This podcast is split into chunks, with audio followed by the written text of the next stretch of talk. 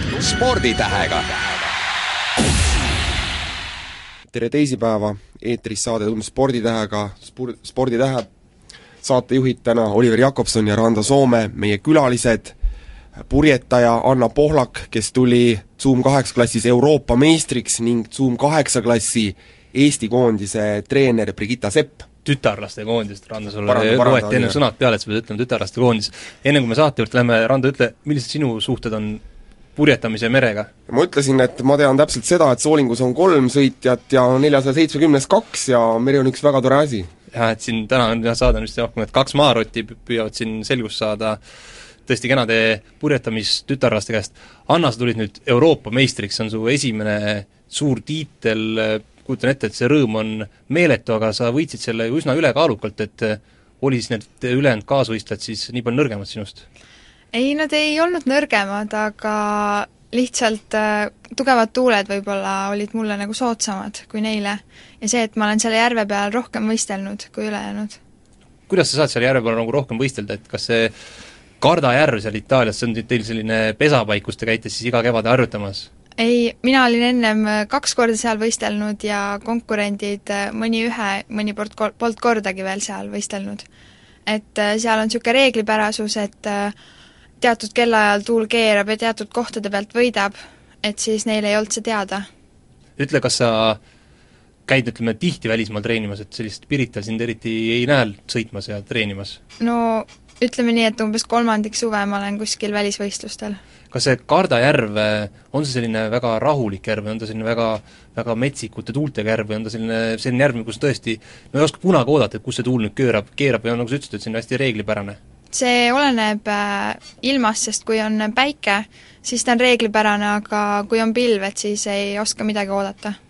Brigitta, sina enne, enne seda võistlust, kui sa tegid mingeid strateegiaid, mingeid plaane, ütle, kas see, Anna kuldmedali võit oli sul nendesse plaanidesse sisse kirjutatud või välk tuli selgest taevast? Eks treenerid ikka Annalt ootasid, et kuna see oli Anna viimane võistlus ka, et me talle neid pingeid ei tahtnud väga peale panna, et nüüd peab sealt medal tulema, et oli rohkem see, et läheb, sõidab nii hästi kui võimalik seda viimast võistlust, aga eks me ikka lootsime, et võiks ilusa punkti panna sellele Zoom kaheksa karjäärile. äkki sa veel selle räägid lahti, et miks nüüd Anna lõpetama peab, ta on ju viieteistaastane tegelikult, ma saan aru, et Zoom kaheksas võib kuni üheksateistkümne aastani sõita, nii et selles mõttes ju aastaid oleks veel aastaid oleks veel, aga Zoom kaheksa klass on selline hästi tundlik klass äh, kaalule ja pikkusele, et Anna on siin päris pikaks tütarlapseks sirgunud juba, et teised, teised on seal sellised meeter kuuekümne, kuuekümne viiesed ja kaaluvad viiskümmend viis kilo, et see on selline nagu äh, super, superkaal ja pikkus, aga Annal juba on selline täiskasvanu pikkus ja kaal, et, et võiks nagu hakata olümpiaklassis juba võistlema. nüüd Anna hakkabki nüüd võitma, võistlema laserklassis, et eh, Anna, kas natuke hirm on ka, et nüüd selle klassivahetuse ees? Äh, jaa, ikka väike hirm on, et paat on nii suur ja raske ja kõik võistlejad on ka, et täiskasvanud, et hoopis teine tase.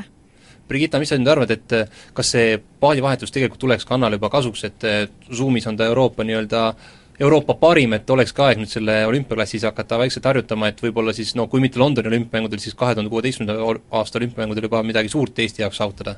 jah, kindlasti, et ei ole mõtet nagu väga pikalt seal ühes klassis äh, istuda, kui nagu see tipp on ka saavutatud, et kaob äh, võistlejal see motivatsioon ära ja et et kui need tulemused ei tule ka siis enam nii head, et siis langeb see tuju ka ära, et saab nagu uues klassis noorelt harjutama hakata ja siis on pikalt aega olümpiaks valmistuda Anna, kas sind ennast üllatas seesama, ütleme, stabiilne seeria seal Itaalias Garda järvel, et kui ma ei eksi, siis olid, kõige kehvem sõit vist oli seitsmes koht, ülejäänud olid esimesed, teised, kolmandad, et et noh, kuida-, millega sina seda stabiilsust selgitad, et lihtsalt ilmaolud või, või, või midagi muud ka ikka?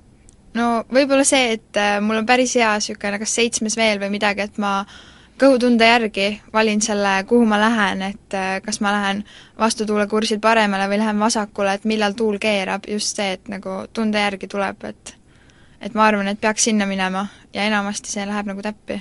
nii et ütleme, sa paadis olles ei mõtle? ega ma mõtlen ikka ka, et äh, noh, sa pead teadma ka, et ega sa päris nagu äh, huupi ei saa ka pakkuda, et äkki keerab sealt, et lähen sinna. Vaid ikka pead nagu mõtlema ka, et sealt ta võiks, et noh, kas kalda kuju on mingisugused nukid või, või lihtsalt, et just see reeglipärasus, et sealt peab ta keerama ja sealt tuleb rohkem tuult. Brigitta, ütle, kui kõva see konkurents on seal Zoom kaheksa klassi EM-il, et, et noh, oskad sa, oskad sa öelda, kui, kui tihe see kadalipp on, millest Anna pidi läbi, läbi minema? See on päris tihedaks läinud, et aastatega on see Zoom kaheksa klass päris populaarseks läinud, et selles mõttes seal olid sellised tugevad riigid nagu Austria, Taani, soomlastel oli seal kümneid paate, et eestlaste selline kaheteistliikmeline koondis oli päris väike koondis seal et selliste suurte riikidega nagu äh, võistelda, et see kadalipp oli jah, päris, päris tugev ja vahel ka riigid teevad omavahel koostööd, et äh, seal nagu üksinda neile vastu saada, et see oli päris, päris kõva saavutus. aga milline saavutus on, ütleme, just see Euroopa meistritiitel, et selles suhtes, et et maailma tipud jäid eemal, ütleme kindlasti USA või Austraalia, mis on sellised tugevad äh, purjetamismaad või ma ei kujuta ette, kui tugevad on Aasia noored, et eh, kas, kui, kui suur saavutus on see Euroopa meistritiitel maailma mõistes?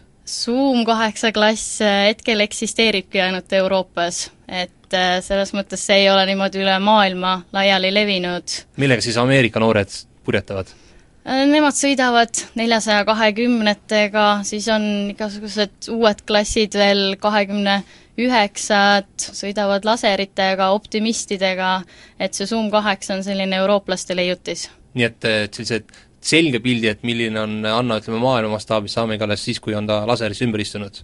just. aga tegelikult ta on ju maailma parim Zoom kaheksa purjetaja. ja tegelikult küll, et siis selles mõttes on ju lihtne mainime ka selle ära, et tegelikult, et seal EM-il poiste arvestuses Aksel Artus sai pronksmedali, et, et ilmselt võib öelda, et kogu Eestile, Eesti Eh, purjetamistiimile olid õnnestunud EM-võistlused? Jah, väga, väga õnnestunud olid ja see Zoom kaheksa klass on Eestile üldse selline edukas klass olnud, et on tulnud meile maailmameistritiitleid, Euroopa meistreid, et see on selline traditsioon meil juba, et sealt neid tiitleid tuleb.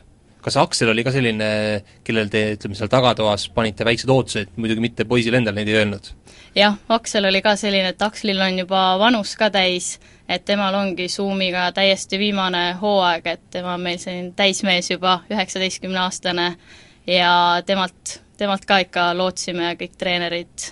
Ikka ootasid, et sealt see medal tuleks. Kas te koostööd ka teete, noh ütleme, kas või need sõitjad omavahel, et, et kuidas see on või igaüks nokitseb, ütleme, omaette, et Aksel oli seal omaette ja Anna tegi omaette ja või oli pigem niisugune tuli Aksel, tuli Aksel mere pealt ära, vabandust, järve pealt ära, ütles, et vaata nüüd selles uh, -huh. selles nurgas, seal on need tuuled natukene teistmoodi. lisaks ahvenatele on seal ka head tuuled ei no peale trenne nii ikka tehakse trenni koos ja arutletakse natukene ja noh, treenerid räägivad jällegi omavahel ja et äh, sellist nagu salatsemist või nii ei ole.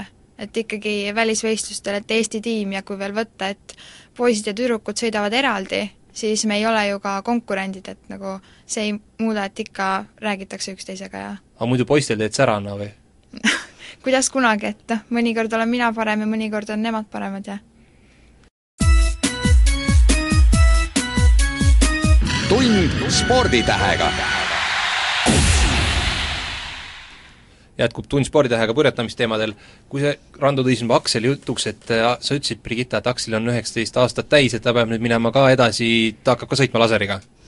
ei, Akslil on need asjad veel natukene lahtised, et äh, tema arvatavasti läheb merekooli kapteniks õppima, et äh, ei ole veel kindel, kas ta seda võistluspurjetamist jätkab. hakkab Tallinkiga sõitma? hakkab Tallinkiga sõitma, et ei, ei oota ta ei Finglassi ega laserklasside ees ja uh, seda veel ei tea, et seda ei saa sajaprotsendiliselt öelda, mis Aksel tegema hakkab, et lõpetab kaheteistkümnenda klassi ära, tuleb Tallinnasse ja siis vaatab, mis temast saab. no mul oli juba järgmine küsimus mõeldud, et kas nüüd Deniss Karpak peab hakkama värisema, et talle tuleb lõpuks, ütleme, kodumaalt üks korralik konkurent, aga võta näpust, jah? jah, ja Aksel ei ole ka Finn-klassi kaalus ja pikkuses.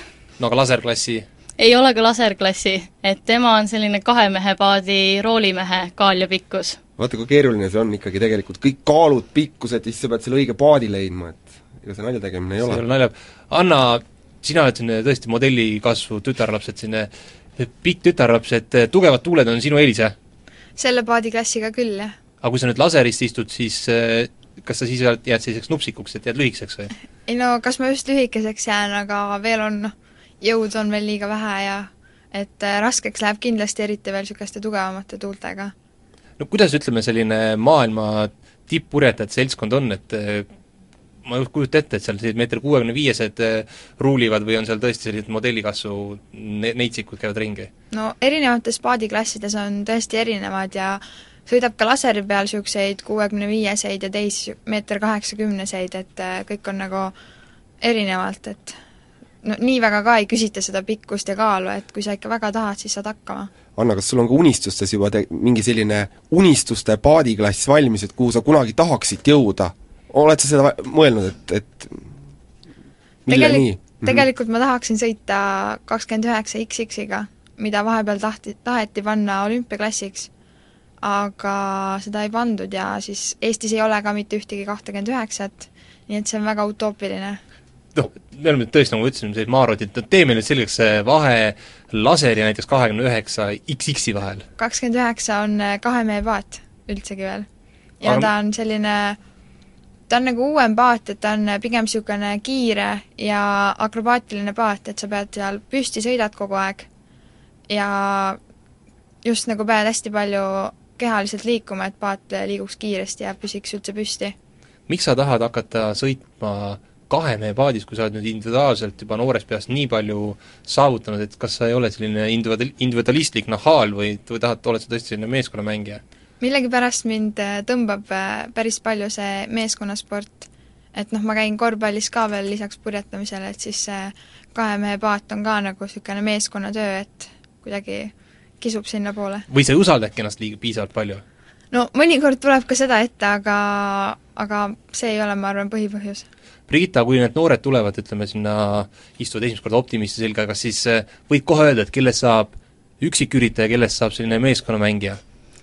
esimesel aastal see võib-olla ei tule välja, et see tuleb rohkem siis välja, kui nad hakkavad võistlustel käima ja on ka rohkem sellist nagu koos reisimist, koos elamist, et siis hakkavad ka need iseloomujooned rohkem välja tulema ja siis saab küll juba jah, päris noorelt öelda, et mis, mis paadiklassis ta võiks lõpetada. kas siis on need, kes käivad niimoodi vähe tagasihoidlikumad, on, pannakse kohe meeskonnamängijateks ja need, kes siis on sellised tõesti rinnaga löövad uksi lahti, need pannakse kõik siis üksinda suumide peal sõitma või edasi? Äh, me alguses jah, kõik on optimistid, Zoomid ja sealt edasi vaatame ka, kuidas see teismelise iga peale tuleb ja kes seal omavahel paremini läbi saavad, et et see on nagu hästi, hästi oluline, et omavahel peab ka hästi läbi saama. Oliver, kui sina oleksid purjetama läinud, siis oleks raudselt selles individuaalpaadis ja sind ei oleks välja lastud sealt. no muidugi mina ei läheks, ma ei laseks kedagi enda kõrvale, aga kui sa tood juba, näed, isegi ma suudan sinuga koos raadiot, raadiosaadet teha, Randa, see on raske, raske. Kui sa tõid mängu siia teismelise iga, ea, siis eh, kuidas sa nüüd kõrvalt vaatan, ütled, kuidas Annal see teismelise iga on eh, praegu niimoodi kujunenud?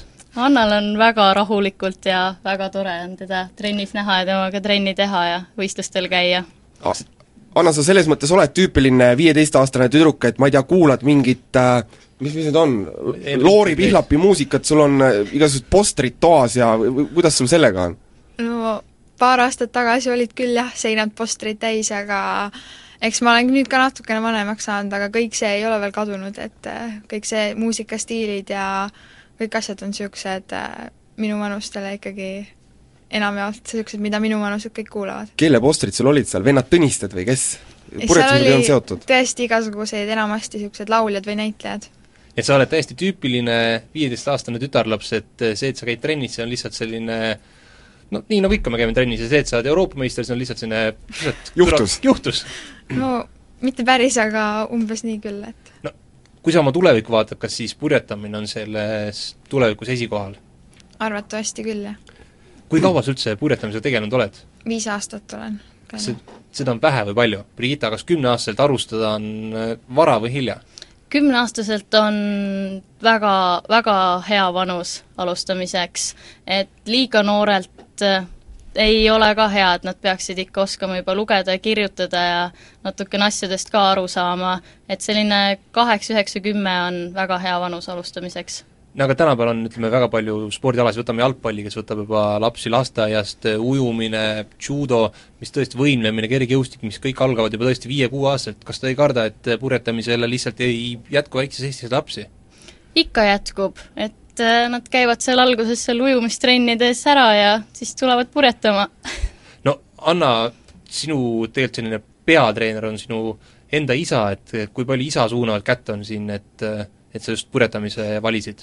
no see isa käsi ongi nagu põhiline, sest et äh, tema viiski mu purjetamistrenni ja ja siis hakkas meeldima ja, ja siis ma jäingi selle ala peale. et kas isa oli, istus seal kõrval niimoodi, hambad ristis ja pöidlad olid pihus, et palun, palun, tütrek, et hakkaks see sulle meeldima või ei, lihtsalt, et äh, läkski ja et lähme vaatame korra ja iseenesest hakkas meeldima. mingit sundi siin taga ei, ei ole? kui vana sa olid siis, noh?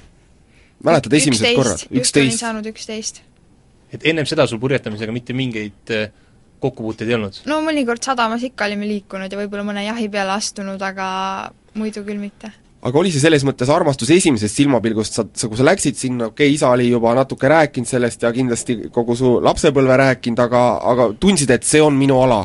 peale esimest proovimist oli küll nii, et tahaks veel ja tahaks veel, et äh, hästi raske oli nagu äh, minna ära Piritalt, et ei saagi rohkem sõita ja kuidas siis praegu tunne on siin viis aastat hiljem, et äh, kas ikka kogu aeg tõmbab sinna mere poole või ikka tõmbab, aga eriti tõmbab siis, kui on nagu rohkem päevi eemal oldud ja kevadel on, äh, tahaks nagu eriti minna vee peale, sest tel-, terve talv on nagu oldud maa peal ja ei ole nagu vee peale saanud. Brigitta, kas äh, Anna näol on tegemist sellise sündinud purjetajaga, no ütleme, talendiga? Tal on hästi palju töötahet on ja enesekindlust on ja seda andekust, andekust on tal ka ikka, et need tuuled, tuuled nokib ära, aga põhiline Anna puhul minu arvates on ikkagi see töötahe, et see mingi hetk see andekus nagu kaob rohkem tahaplaanile ja määrab see töötahe ja Annal seda jätkub. kus see põhitöö purjetamises tehakse, ikka mere peal, ikka järve peal või, või, või tuleb lugeda neid raamatuid, sirvida netti, ma ei tea, kõike. on, olulised on veetunnid, oluline on see füüsiline, mis tehakse talvel, oluline on raamatuid lugeda, ennast kurssi viia uute taktikatega, uute trimmidega, kõik on oluline Anna, kas sa kodus ka nii-öelda kuiva trenni teed, et ma tean, et tennissil, Deniss Karpakil on äh, kodus oma selline laserimakett, kus peal ta harjutab, kas sul on ka väike Zoom kusagil äh, Pudelis. voodi kõrval, ei, voodi kõrval ehitatud, et tõused hommikul üles ja siis natuke aega kallutad ennast ja siis lähed hommikus sööma? ei, mul ei ole, et oleme küll tahtnud, et kallutuspinki koju, aga siiamaani pole veel jõudnud selleni. no ütleme, kas kool ei kannata selle meeletu treeningkoormuse juures, et ma ei tea, kui, kui, kui palju sa üldse trenni teed nädalas? No trenni teen niisugune kuus korda nädalas tavaliselt. mõnikord rohkem, mõnikord vähem, aga kool küll nagu eriti ei kannata, sellepärast et äh, kui, kui sa tahad, siis sa ikka jõuad kõike teha. no see on jah, vana tõde, et kes, kes, kes tahab ja kes jaksab, see teeb väga palju ja teeb seda väga hästi. et oled siis koolis selline nelja-viiene tütarlaps? ja kõikide õpetajate lemmik, ma eeldan? no loodame keeled on sul suus muidu, ma mõtlen, kui sa nii palju rändad ringi Inglise keelega olen küll jah, juba päris kodus. sa ennem ma-, mainisid, et su üks treeneriteks on ka Austria koondise treener, et äh, kuidas ütleme, koostöö austerlastega sujub, et eh, kas nad annavad sulle mingisuguseid teistsuguseid nippe, mida siit, siit Eestis sa võib-olla mitte kunagi ei kuulekski, kuulekski? jaa, et see on kindlasti väga palju edasi aidanud, et eh, Austria, austerlased on olnud kahel eelmisel aastal kaks korda nagu maailmameistrid nii poistel kui tüdrukutel sellesama treeneri käe all ja neil on niisuguseid teadmisi, mida, mida nagu Eestist väga ei saa, sest et äh, ei, ei ole ka ühtegi raamatut nagu Zoomi kohta kirjutatud ja siis on väga kasuks tulnud see austerlaste teadmised ja Brigit-, Brigitta ütleb, kas sellist väikest äh, kiivust või armukadedust ei ole, et no mida nendelt Austria treeneritelt no ikka õppida, et no me teame siin neid asju sama hästi, kui mitte paremini ei ole, et mina olen küll sellel arvamusel, et teiste, teiste treenerite trenne tuleb vaadata, nendelt õppida, et sellist koostööd teha, et kui sa ajad sellist oma rida, et sellega väga kaugele ei jõua. et sealsamas Karda peal tegime peale võistlust selle Austria treeneriga trenni ja mina panin ka sealt endale mõned nipid kõrva taha. seda ei karda, et ühel hetkel Anna on targem kui sina? Ma loodan, et mitte, ma pean ennast ka ikka kogu aeg täiendama ja juurde õppima, et sellist asja ei juhtuks. kuidas üldse selline treenerite komplekteeritus on Eestis, et kõik alad ju nutavad selle peale, et noori treenereid on vähe, kuidas purjetamisel on? eks me ka ikka natukene kurdame, et seal neid gruppe ja lapsi on peale tulemas ja neid treenereid, et nüüd on see kutsekvalifikatsioonisüsteem ka veel, et kõik peavad olema kvalifitseeritud treenerid et see teeb ka selle asja natukene raskemaks. aga me üritame ka hakkama saada ja kui tahtmist jätkub, et saame hakkama. tund sporditähega. Jätkub saade Tund sporditähega, stuudios Oliver Jakobson, Rando Soome, räägime purjetamisjuttu, külaline Anna Pohlak, kes võitis hiljuti Euroopa meistritiitli Zoom kaheksa klassis ja treener Brigitta Sepp. meil on praegu stuudios kaks naisterahvast, kes tegelevad purjetamisega, et on see nüüd natukene, minu jaoks on see natuke võib-olla kummaline, võib-olla, võib-olla tavakuulajale, võib-olla ka teil endal ei ole, et et miks, ütleme, noored tütarlapsed üldse purjetamise valivad, Brigitta, et palju neid tütarlapsi seal sügisel või kevadel, millal see treeninghooaeg hakkab, ukse taga järjekorras on? väga palju tütarlapsi ei ole, et see ülekaal on ikkagi nagu poi-, poisid enamus juhtudel, aga leidub, et põhilised tütarlapsed, kes tulevad, on endiste purjetajate lapsed või siis tüta-, tuttavate tütre, tütred, et äh, niimoodi need tütarlapsed sinna satuvad. et äh, neid on tegelikult väga vähe, kes lihtsalt omaalgatuslikult tulevad, et üldse purjetamisest midagi ei tea ja et nüüd tahaks hakata, et ikkagi on kuskilt kellegi kaudu midagi purjetamisest kuulnud. Anna, miks just purjetamine, me teame, sul rääkisid ennem, et isa tõi, aga kas vahepeal oli seda mõtet olnud, et läheks hoopis võib-olla laulukoori või tantsustuudiosse näiteks? tegelikult laulukooris, kooli laulukooris ma olen käinud esimesest klassist saati ja käin siiamaani.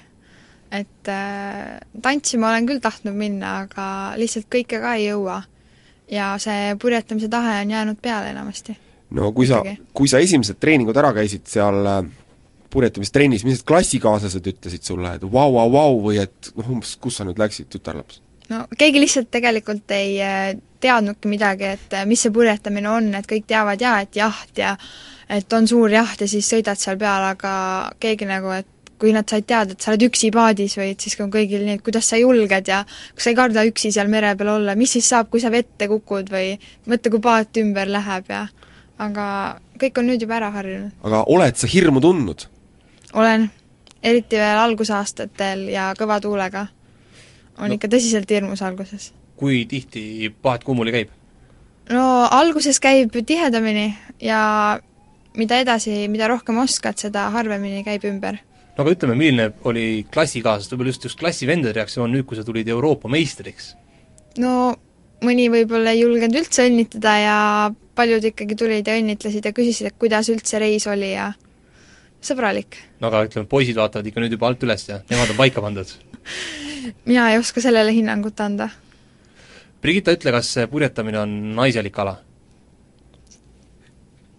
väga naiselik ta nüüd ei ole, et me peame seal ikkagi meeste töödega ka hakkama saama, aga me väga ei kurda, need, need naised, kes seal purjetavad, et meile, meile see meeldib, et me peame kõigega ise hakkama saama aga jah, päris tikkontsadel me Piritale ei lähe. aga miks mitte, et lähed tikkontsadega Piritale ja siis tõmbad nii-öelda need äh, purjetamissaapad jalga ja hüppad paati? ka nii võib jah, aga enamus juhtudel on seda aega nii vähe, et see, need riided peavad ikka kohe seljas olema. kakskümmend neli tundi ja seitse päeva küll, nädalas. Brigitta, kui tihedalt sa ise veel purjetamas käid, oled küll treener, aga ilmselt ikkagi veri tõmbab rähnipoja puu otsa äh,?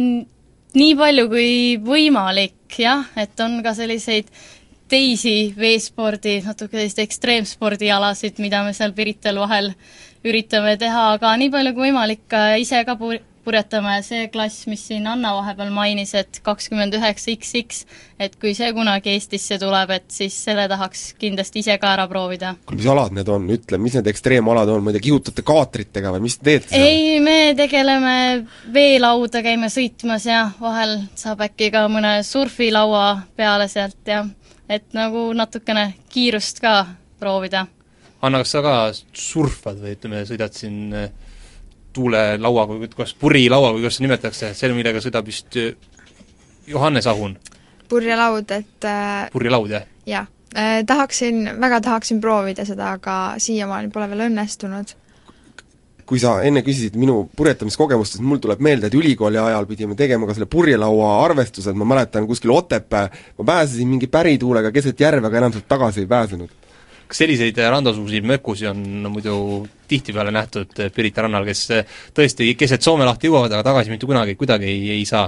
ma arvan, et seal Pirita rannal neid ikka natukene leidub jah, aga need niinimetatud purjetajad, et need ikka jõuavad kaldale tagasi. kas see selline purjelaud, kas see tuleks, ütleme, Anale kasuks, kui ta seda võib-olla aeg-ajalt tõesti katsetaks ja prooviks? Ta saaks proovida just seda kiirust, et kaoks see kiiruse hirm ära ja saaks nagu sellise kaifi, kaifi kätte, et kindlasti iga, iga klass natukene kõrvalt proovida tuleb kasuks ja mingeid uusi, uusi nippe, uusi teadmisi, et kahjuks ei tuleks see küll. Anna, kui suurt kiire, kiirust arendab Zoom kaheksa seal soodsate tuultega või see kusagil järve peal? no ega ta nüüd tegelikult väga kiire ei ole, ma ei oska seda ka mingitesse arvudesse panna no mitu ah. sõlme, on vist, meremehed ikka ütlevad sõlmedes? seal ei ole mingit niisugust kiirusemõõtjat ega midagi peal, nii et tunde järgi küll ei oska öelda. jah, ja keegi ei ole ka mingeid kiiruskatseid teinud selle Zoom kaheksaga, et seda, neid arve ei oska öelda. Oliver, sinu Volkswagenist läheks ikka mööda? et see Volkswagen sulle ka meelest ära ei lähe ähm,? Ütle, kui palju äh, no nii, nüüd, nüüd Randol hakkas mõtlema ainult äh, rannast ja nendest, Priika, kui sa ütlesid ennem, et äh, te peate saama kõik ise hakkama, et mul hakkas praegu kummitama, et kas äh, purjetamisnaised on päriselus ka sellised naised, kes saavad ise kõigega hakkama, et tõesti, et panete riiuli seina ja kui vaja, vahetate, vahetate lambipirni ära? jah, sellised me oleme. saame kõigega ise hakkama Anna, kas sinul on samamoodi, et eh, kodus emal-isal ei olegi midagi teha, et tuled koju laulukoorist ja koolist, teed kodus tööd ära ja siis hakkad alles õppima, enne kui trenni veel lähed? Äh, tavaliselt ma lähen küll, kohe peale kooli lähen trenni ja siis alles hakkan õppima, aga no lambipirni võin ma ikka vahetada, kui nagu vaja. ma, ma tahtsin enne seda öelda, et ütleme, vabal ajal kas noh, vabal ajal, kui trenne ei ole, kas siis ka veel viitsiksite näiteks mõlemad minna purjetama, kui, kui vähegi võimalik, või või siis mõtleks pigem teistele asjadele? mina oma suved küll vaba aja veedan kõik vee peal et isegi siis, kui on trennid läbi, siis on tõesti need veelauad, surfid, et selles mõttes nii vähe, kui meil seda suve on, üritan küll kõik vee peal veeta ja Pirital ja rannas.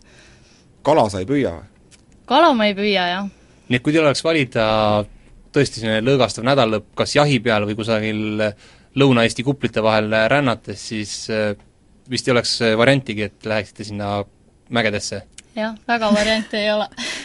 jah. kas jahiga ka sõidate muidu, Anna?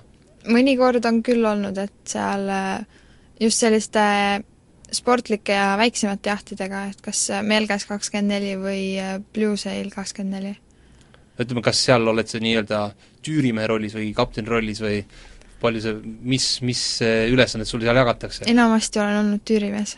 mis tunne seal on, ütleme, võib-olla seesama kapten jagab sulle, vaatab, et noh, üks tüdruk ilmselt ei jaga ööd ega mütsi sellest purjetamisest, jagab sulle mingeid korraldusi ja tegelikult oledki Euroopa meister, on mingeid selliseid kogemusi ka sul või ei ole?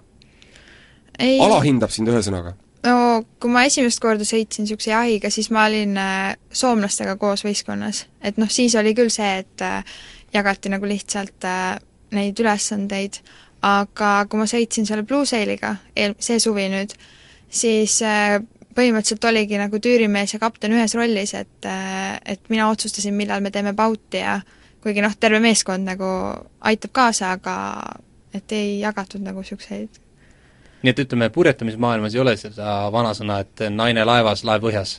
ei ole, jah tund sporditähega.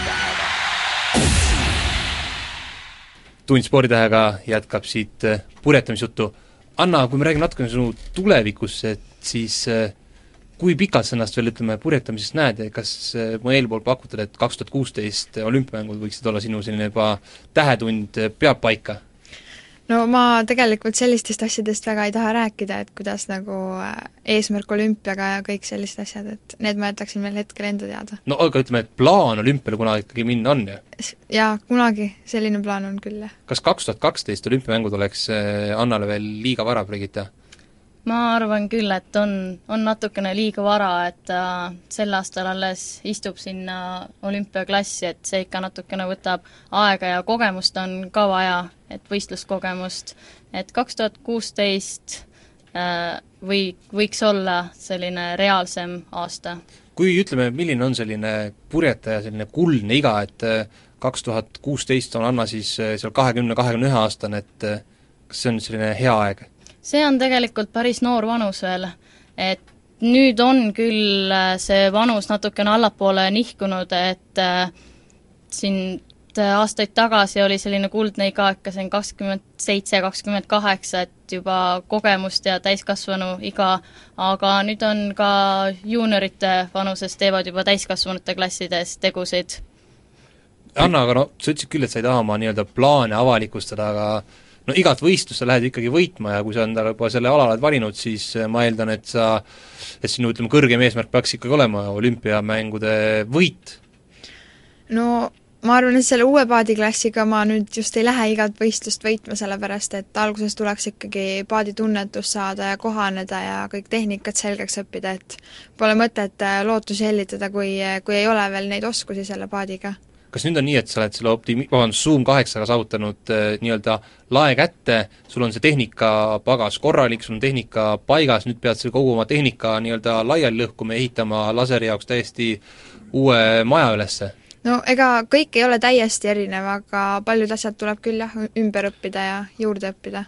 Brigitta, ütle, kui suur või kui pika puuga see rahakott peab seljas olema, et näiteks laserklassis sõita, kas, kas laser, on see kallis paat, on selle alaga tegelemine kallis? päris kallis on jah, et oma rahakoti peal seda ala kindlasti harrastada ei saaks, et on vaja toetajaid ja sponsoreid, et päris kallis ala on see, jah et sellepärast ongi vist Eesti purjetamismaastik selline isalt pojale või isalt lapsele edasi pärandatav koht?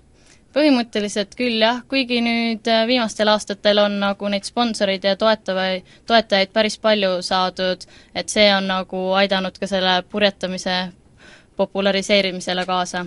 no kas keerulisem on saada, kui keeruline õigemini on saada just sellisele noorele andekale tütarlapsele sponsorit taha või kindlasti raskem kui poisile?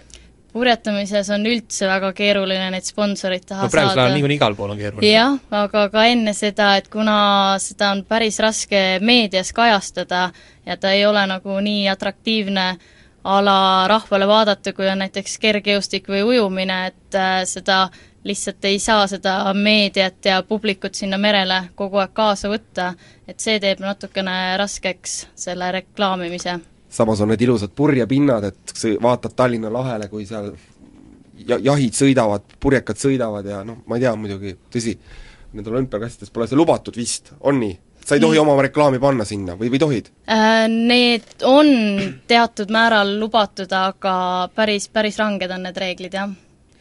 kui sa ennem ütlesid, et meil on äh, Zoom-klassides selliseid äh, maailma tippe väga-väga palju et noorte seas oleme me üsna suured tegijad, siis Eesti selline, ma ei tea, kas see on nüüd Achilleuse kand, on see, et noorteklassis oleme me igal alal üsna, üsna heal tasemel, aga nii kui on üleminek täis, täiskasvanute klassi, siis eh, juhtub midagi, et eh, kas purjetamises on samamoodi? purjetamises on kahjuks jah, samamoodi, et noored on meil tublid, töökad ja andekad ja siis, kui siis kui tuleb see iga, et on vaja klassi vahet, paadiklassi vahetada, et siis see kuidagi vajub laiali ja see jääb vähemaks, neid tulemusi.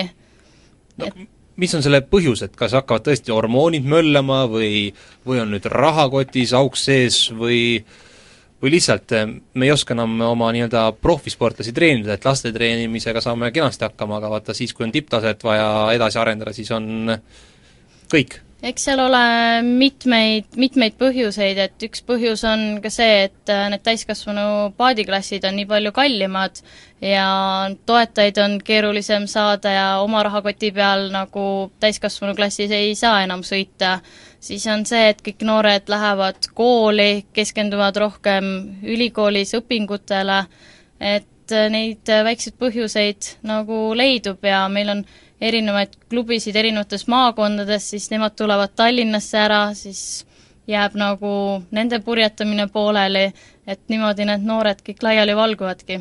sa ise lõpetasid ka kooli pärast purjetamise ära või?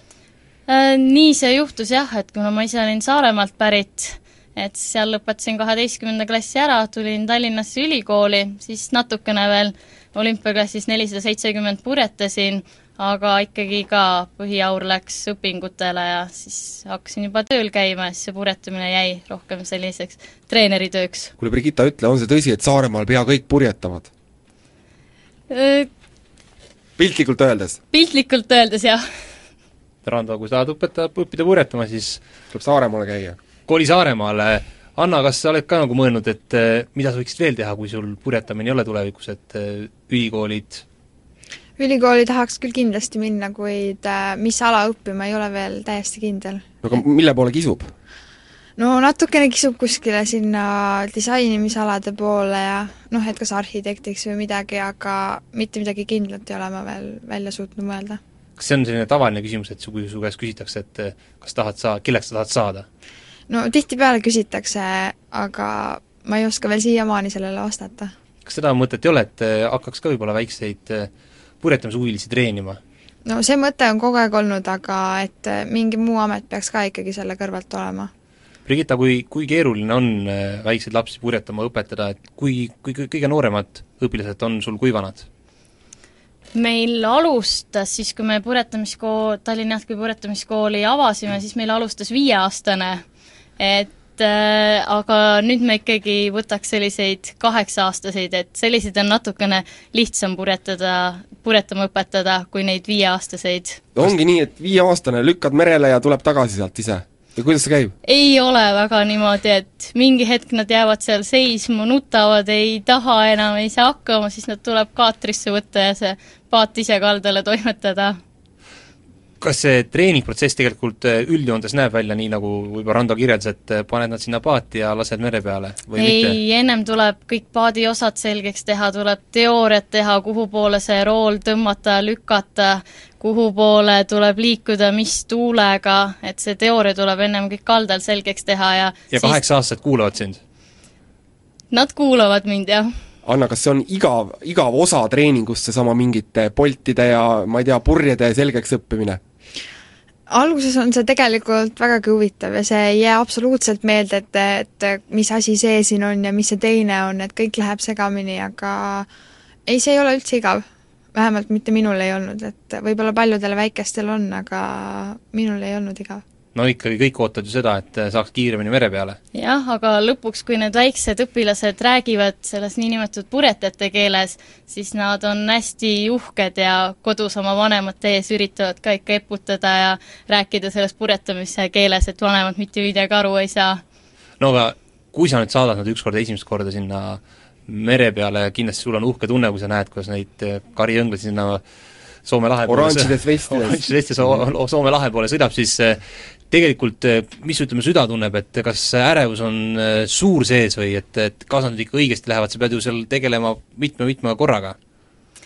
Siis, kui on see kaldalt vee peale saatmine, siis on ikkagi jah, selline ärevus ja pabistamine sees, et kuhu nad nüüd lähevad ja peast kinni hoidmine, et ära sinna mine ja seal häälepaelad peavad ikka päris tugevad olema, aga kui seal vee peal läheb juba tööks ja trenniks, et siis nagu kaob see hirm ja ärevus ära, et siis lihtsalt on trenni tegemine ja siis tuleb vaadata, kuidas nad pärast kaldale saab kas ütleme, vanemate laste pärast enam nagu mures ei pea olema, et kui sa nad nii-öelda lased merele, siis on süda kindel, et nendega enam ei juhtu või vanus, olgu vanus mis tahes, ikkagi natuke kripeldab?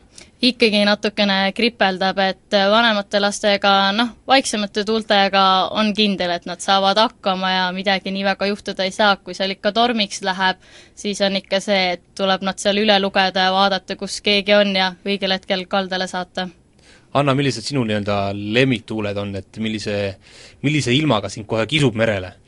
no selle paadiklassiga olid ikka tugevamad tuuled, et siis saab kihutada ja mõnuga sõita. aga tegelikult ongi tugevamad tuuled, ma arvan, ma arvan, et ka uue paadiklassiga, eriti kui ei ole võistlus, sellepärast et äh, kogu see kaif ja see tunne, mida sa saad, eriti kui sa liigud seal külgtuules laine peal ja eriti kiiresti, et vett lendab üle pea ja eriti hingata ei saa ja midagi ei näe, et see, kõik see tunne, see on nagu väga kihvt kui sa, Anna, oled kogenud sedasama kaifi, seda, seda sama tunnet, ütleme, kas näiteks Harku järv tundub väike konnatiik nüüd selle kõrval? Nojah, see on väike ja seal ei ole eriti laineid ka, et see nagu nii väga ei tõmba. no aga selline tuulevaikne ilm, noh, see, see üldse ei tohi, ütleme, pisikese tuulega ilm, see ei, see ei tõmba enam mere peale või? ei no kui ikka edasi liigub nii, et saab seal päris ütleme nii, et meeter minutis ei liigu, et siis ikka tõmbab umbe-, enam-vähem kõik ilm tõmbab vee peale. aga ütleme, tuulevaikne ilm on teie jaoks nii-öelda nuhtlus, jah? jah. see on jah, nuhtlus no me soovime teile, et seda tuult Eestis ikkagi järjest rohkem oleks ja et see Eesti purjetamisel hästi läheks. et mast ikkagi maha tuleks. suur tänu, et te tulite, meie õhtune kordus on eetris kell kaheksa ja kuulmiseni jälle nädala pärast!